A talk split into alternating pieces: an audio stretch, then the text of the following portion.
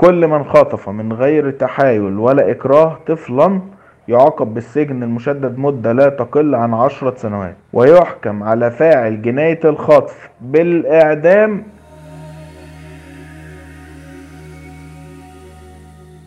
هذا صوت الأستاذ مكاريوس جرجس محامي ومستشار قانوني من مصر. سيكون ضيفنا اليوم للحديث عن واقعة تحرش رجل البدلة أو متحرش الأطفال. إحنا المؤسسين تطبيق اسمه ما تخافيش وهو أول تطبيق في مصر بيحارب ظاهرة التحرش الجنسي. وهذه سلمى مدحت التي أسست مع أحمد ريحان تطبيق ما تخافيش وهو تطبيق إلكتروني لمواجهة التحرش في مصر. أهلا بكم في حلقة جديدة من بودكاست في عشرين دقيقة معي براء صليبي. تصدر في الأيام الماضية في مصر وأيضا في كثير من الدول العربية تصدر واسم أو هاشتاغ متحرش الأطفال الذي تم تدشينه على مواقع التواصل الاجتماعي فور انتشار فيديو الواقعة التي حدثت في حي المعادي المصري وبالتحديد في ميدان الحرية. مرفقا مع الهاشتاغ صورة المتحرش أو فيديو الواقعة. والذي ظهر فيه الرجل مرتديا بدلة رسمية يحاول استجرار طفلة صغيرة تبيع العلكة في الشارع لمكان منعزل في مدخل بناية موهما إياها أنه سيعطيها المال لقاء شرائه منها لكنه بدأ بلمس مناطقها الخاصة إلا أن كاميرات المراقبة والجارة كانوا له بالمرصاد. وفضحت قصته ما دعا المتابعين لهذه القصة للمطالبة بتوقيع أقصى درجات العقوبة عليه. وفي التاسع من مارس آذار أي اليوم التالي من الحادثة أصدرت النيابة العامة المصرية بيانا بشأن واقعة التحرش تلك وقالت النيابة العامة المصرية فيه إنه وحيث كانت وحدة الرصد والتحليل بإدارة البيان بمكتب النائب العام قد رصدت تداول مقطع لتعدي شخص على طفله في مدخل أحد العقارات وبعرض الأمر على السيد المستشار النائب العام أمر بالتحقيق العاجل في الواقعة. كما كانت قد كلفت النيابة العامة خط نجدة الطفل باتخاذ اللازم قانونا حيال الواقعة. عديد من المتابعين شبهوا السيدة التي وقفت صامدة في وجه المتحرش بأنها بطلة يوم المرأة العالمي، خصوصا أن الفيديو انتشر قبيل ساعات من انتهاء يوم المرأة العالمي الموافق للثامن من آذار مارس، وذلك احتفاء وتقديرا لها لعدم سكوتها عن الواقعة وخروجها في الوقت المناسب ووقوفها بكل جرأة في وجه الرجل المعتدي. وأيضا إلى إشارتها إلى كاميرات المراقبة التي صورته ويظهر الفيديو الرجل كيف لاذ بالفرار في تلك اللحظة ثم استعانت هذه المرأة بصفحتها على موقع التواصل الاجتماعي فيسبوك لمطالبة المواطنين بمساعدتها في نشره لمعرفة المجرم ومعاقبته على جريمته.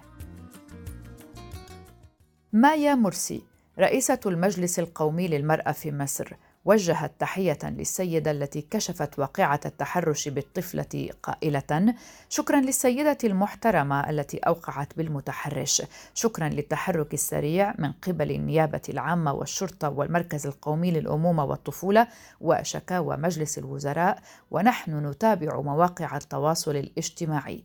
وتابعت عبر صفحتها على فيسبوك. الصراحة والحقيقة الواضحة أن هذا المتحرش أكيد معتاد على هذا الجرم وربنا رفع ستره عنه.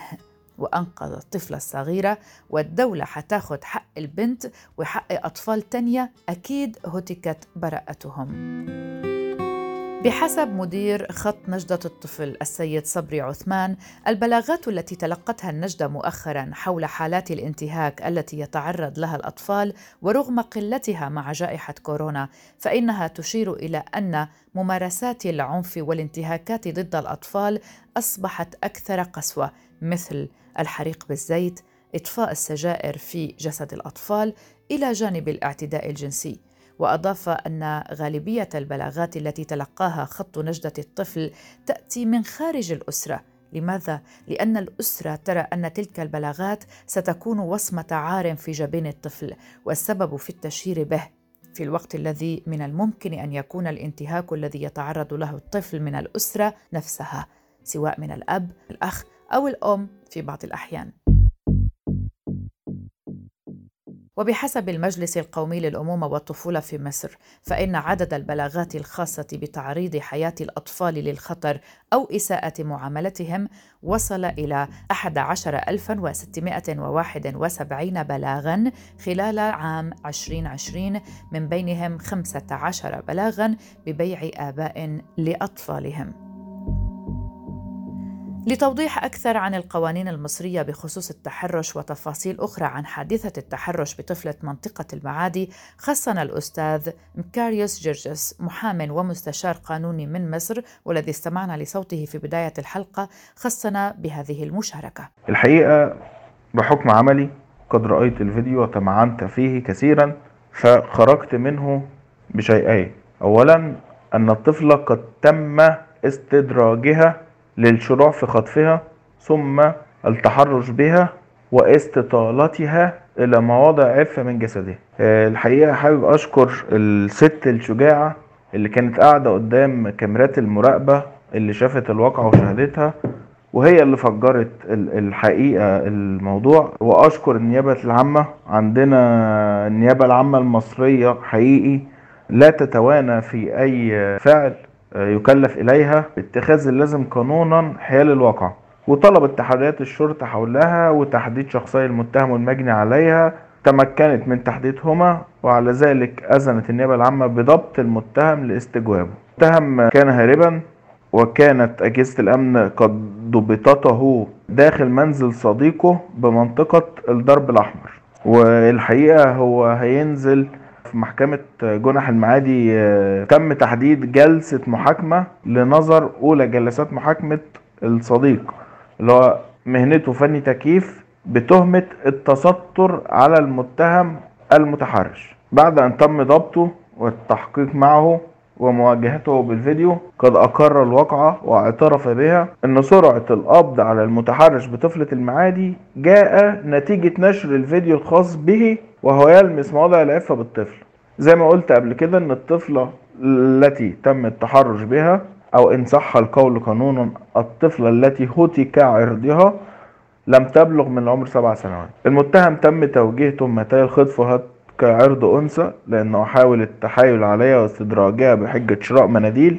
ووالدة الطفلة التي تم الفعل بها لما جت تم سؤالها في تحقيقات النيابة كان إجابتها أنا شاهدت ما حدث لبنتي في التلفزيون. يعني الأم حتى ما عرفتش البنت ما قالتش لمامتها أول ما رجعت. آه، الحقيقة قانون العقوبات المصري تم تغليظ العقوبة بعد تعديل بعض أحكام قانون العقوبات الصادر بالقانون رقم 58 لسنة 1937 بالقانون رقم 5 لسنة 2018 عندنا ثلاث مواد مادة 283 عقوبات ومادة 289 عقوبات ومادة 290 عقوبات كلهم يعاقب بهم شخص المتحرش. إنما هنخص بالذكر مادة 289 ومادة 90 كل من خاطف من غير تحايل ولا إكراه طفلا يعاقب بالسجن المشدد مدة لا تقل عن عشرة سنوات ويحكم على فاعل جناية الخطف بالإعدام أو السجن المؤبد إذا اقترنت بها جريمة مواقعة المخطوف أو هتك عرضه أي الواقعة التي أمامنا في الوقت الحالي. مادة 290 كل من خطف بالتحايل أو الإكراه شخصا يعاقب بالسجن المشدد مدة لا تقل عن عشر سنين ويحكم على فاعل جناية الخطف بالإعدام إذا اقترنت بها جناية موقعة المخطوف أو هتك عرض وهنا يوجد ظرف التحايل ويوجد أيضا ظرف سجن مشدد. وحتى لو اعتبرنا عدم توافر قوة أو تهديد تصبح جناية هتك العرض والمقترنة بجناية الخطف أو جناية الخطف مقترنة بجناية هتك العرض بغير قوة أو تهديد يعاقب عليها قانونا بنص مادة 289 أي الجزء الأول منها فقرة واحد كل من خطف من غير تحايل ولا إكراه يعاقب بالسجن المشدد مدة لا تقل عن عشر سنوات. يعني أقل مدة المفترض إنه يتحكم على شخص المتحرش هي عشر سنوات. طبقا لنص القانون العقوبات المصري. جدير بالذكر هنا إلى أن المادة 116 من قانون الطفل تنص على مضاعفة عقوبة أي جريمة إذا وقعت في حق الأطفال، ويزداد بمقدار المثل الحد الأدنى للعقوبة المقررة لأي جريمة إذا وقعت من بالغ على طفل، وإذا ارتكبها أحد والديه أو من له الولاية أو الوصاية عليه، أو المسؤول عن ملاحظته أو تربيته، أو من له سلطة عليه، أو كان خادما عند من تقدم ذكرهم، مما يعني مضاعفة عقوبة التحرش بالطفل. لكن ما هو سبب استمرار ظاهرة الاعتداء الجنسي على الأطفال؟ في عام 2019 كتب الصحفي بندكت كاري كتب مقالا في صحيفة نيويورك تايمز يتناول فيه الأبعاد النفسية لاشتهاء الأطفال الذي قد يتطور لاحقا ليتحول إلى اعتداءات جنسية على الأطفال وحتى أحيانا على الرضع منهم. ويذكر كيري في مقاله نقلا عن دراسات علمية أن معظم تفضيلات مشتهيي الأطفال لم تنضج مثل الآخرين ويبقون منجذبين للفئة العمرية التي جذبتهم جنسيا للمرة الأولى. مضيفا أن هناك اجماعا علميا على أن ذلك يدعى اضطرابا بيولوجيا وبهذا يمكن العثور على علاج له. طبعا هذه الدراسات لا تعطي تبريرا لمرتكبي جرائم الاعتداء الجنسي على الأطفال ولكنها تساعد على فهم هذا النوع من الشذوذ الجنسي ما قد يمكن المجتمع لاحقا من استئصاله تماما.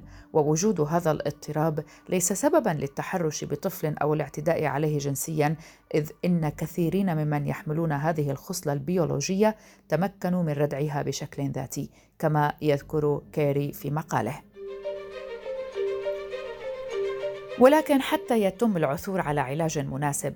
فإن هذه الجرائم مستمرة ومرات تظهر بشكل قانوني في بعض الدول العربية تحت مسمى ظاهرة زواج القاصرات الذي سجل نسبا مرتفعة في مصر بنحو 17% وفي الأراضي الفلسطينية بنسبة 21% فيما وصلت النسبة في السودان إلى 52% وذلك وفقا لإحصائيات برنامج الأمم المتحدة الإنمائي للعام 2016 ويذكر موقع اغتصاب براءة الأطفال أن كل طفل من بين أربعة أطفال في المملكة السعودية يتعرض للتحرش وفي تونس كشف تقرير رسمي تعرض 1149 طفلا للعنف الجنسي عام 2019 وفي البحرين وقعت 333 حالة تحرش جنسي بالأطفال عام 2017 ورغم هذه الأرقام إلا أن الدول العربية حتى الآن لا توفر إحصائيات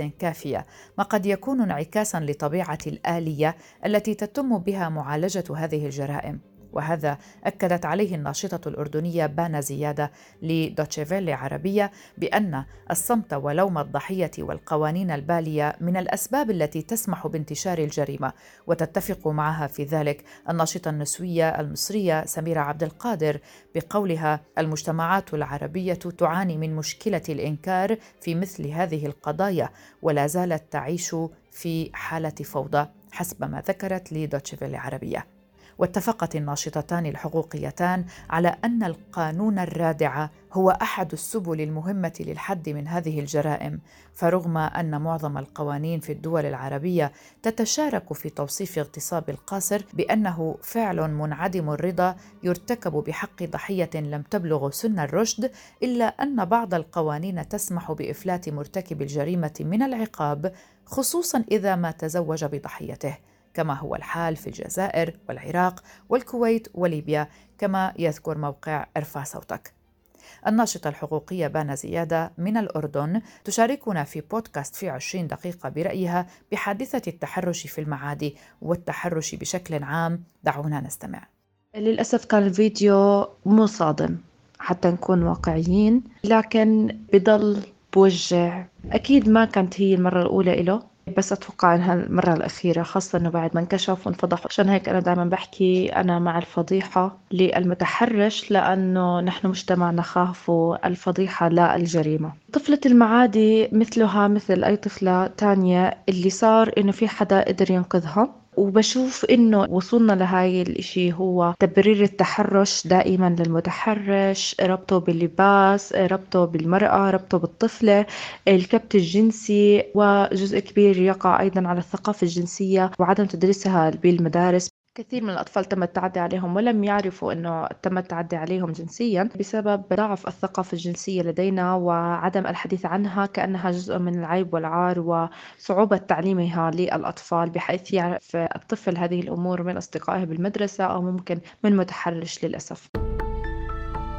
الإشكالية القانونية لإيقاف حالات التحرش وعقوبة المتحرش لا تقتصر على الدول العربية فحسب، فهناك جدل قائم عالميا حول آلية الردع، فالقانون في مختلف أنحاء العالم يقسم مشتهيي الأطفال إلى قسمين، من ارتكبوا الجرائم بالفعل ومن لم يرتكبوها بعد، ولكن ألقي القبض عليهم لمشاهدة صور وفيديوهات إباحية تضم أطفالاً. وفيما يتم معاقبة المنتمين إلى القسم الأول في أغلب الحالات فإن أصحاب القسم الثاني لا يزال الجدل يثار حولهم.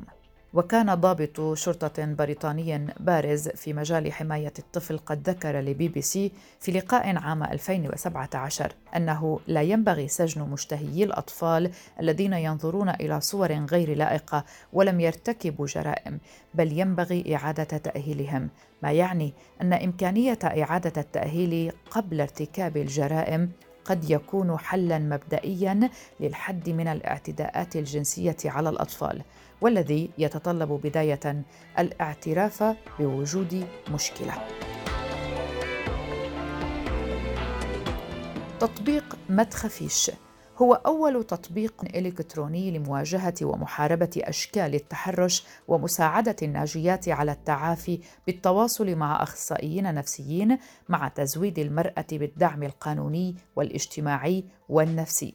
جاءت فكرة التطبيق من الشابة سلمى مدحت والشاب أحمد ريحان بعد تخرجهما من كلية الهندسة في الجامعة الألمانية ففكرا في تطويع تخصصهما التقني لمساعدة الفتيات على مواجهة التحرش ومنع وقوعه.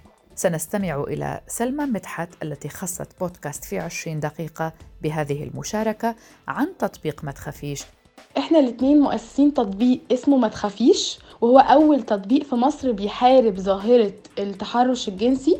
هو موجود دلوقتي على أندرويد وهينزل قريب على ال iOS أول حاجة إحنا في صميم ال values بتاعتنا في ما تخافيش هو إن الدعم النفسي والمجتمعي والقانوني اللي بنقدمه للناجيات دعم غير مشروط بمعنى إن إحنا آه، يعني عمرنا ولا بنسأل ولا بنهتم ملابس السيدة دي كانت عاملة إزاي الناجية دي كانت عاملة إزاي كانت متواجدة فين كانت متواجدة ليه كانت ماشية كده إزاي؟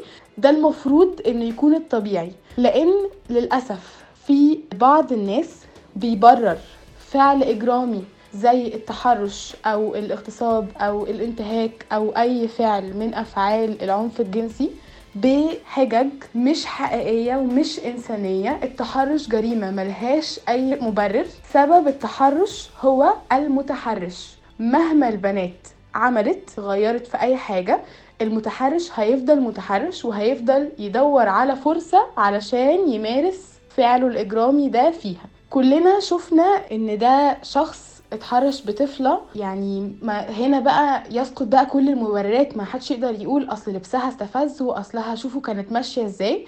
وده أكبر دليل. دي أول نقطة. تاني نقطة حابة أتكلم في فكرة التحرش بالأطفال. للأسف هي حاجة منتشرة جدا. وده لأن المتحرشين مش بيخافوا من رد فعل الأطفال. للأسف الأطفال طبعا بيتعاملوا بمنتهى البراءة. لسه مش متخيلين إن العالم ممكن يكون فيه بشاعة أو شر بالشكل ده فلما بيتعرضوا لموقف زي ده هم بيخشوا في حالة فريز كده ما بيبقوش عارفين يتصرفوا إزاي. أحيانا كتير أصلا ما بيبقوش فاهمين إيه اللي بيحصل ده. هم بيبقوا عارفين إن في حاجة غلط بس هم مش مستوعبين ومش فاهمين إيه اللي بيحصل ولا فاهمين أي حاجة. فده بيخلي إن المتحرش ما بيبقاش خايف إن الطفل ده مثلا يضربه أو يفضحه أو يلم عليه الناس لأن بنسبة كبيرة الطفل هو جسمانيا حتى مش هيقدر يقاوم. فإحنا دورنا كأهالي كحكومات كمنظمات إن إحنا نوعي الأطفال من سن صغير جدا من سن سنتين. طبعا بلغة بسيطة يعني دي حاجة دي حاجة ناس بتبقى درساها وناس متمرسة في إن هي توصل المعلومات دي للأطفال. بلغتهم من غير ما تخضهم ومن غير ما تخلق عندهم أسئلة ملهاش إجابة أو سنهم مش هيستوعبها. فإحنا واجبنا إن إحنا نفهم الأطفال يعني إيه حدود جسمهم إيه الحتت اللي ما ينفعش حد يلمسها من غير ما يستأذن الطفل ده حتى لو الحد ده بابا أو ماما أو عمه أو خاله. محتاجين إحنا أصلا نحترم مساحتهم الشخصية. يعني ما ينفعش أجبره يبوس جده وهو مش عايز يبوس جده دلوقتي. ده طفل مش هيقدر يميز. فإحنا دورنا إن إحنا نفهمه حدود جسمه يتصرف إزاي لما يتعرض ليها زي إن هو يصرخ ويطلع يجري ويشتكي مثلا لأقرب حد بتاع أمن كبير. هنا ما ينفعش أجي أقول له أنت مش من حق حد يلمس جسمك وأنت مش موافق. وأروح أنا أجبره إن هو يبوس جده وهو مش عايز حاجة زي كده. لازم أكون أول حد بيحترم مساحته الشخصية عشان أعلمه يحط مساحة شخصية زيها مع الناس اللي بره البيت لأن ده في الأول وفي الآخر طفل. هذه كانت حلقة من بودكاست في عشرين دقيقة. كنت معكم براء صليبي. أشكر صديقتي وزميلتي يالا فهد على المشاركة في الإعداد. إلى اللقاء.